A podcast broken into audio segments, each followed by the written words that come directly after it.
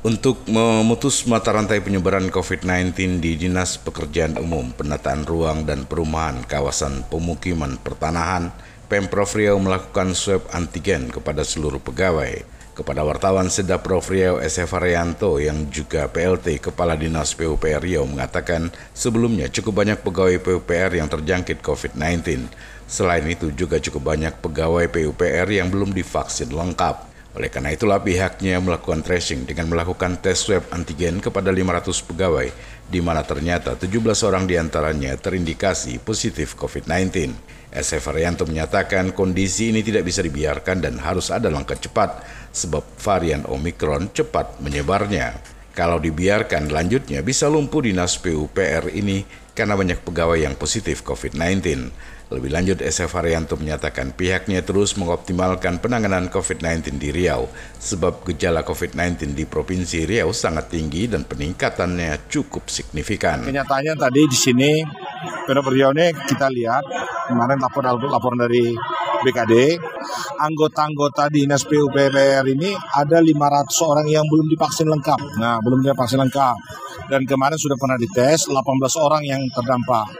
Dan hari ini sudah kita coba kemarin kami rapat, kita ambil sampel di PUPR pertama, nanti di rumah sakit jiwa. Di sini kita lihat daftar yang belum vaksin itu 500 dan kita tes tadi sampai hari ini sudah ada 17 orang yang positif. Ini angka yang bukan angka sedikit. Artinya kalau ini kita biarkan, ini Omicron ini kan sangat cepat jalannya. Ya, dan kita sudah dapat data kemarin bahwa ini betul-betul virus Omicron. Dan inilah kita harapkan PUPR ini ya ini harus vaksin semua. Tidak bisa tidak ini masih 500 orang lagi yang belum vaksin. Jadi kita harapkan nanti hari Kamis semua harus divaksin. Vaksin satu ada vaksin dua dan vaksin tiga. Kalau tidak mau melaksanakan kita beri sanksi.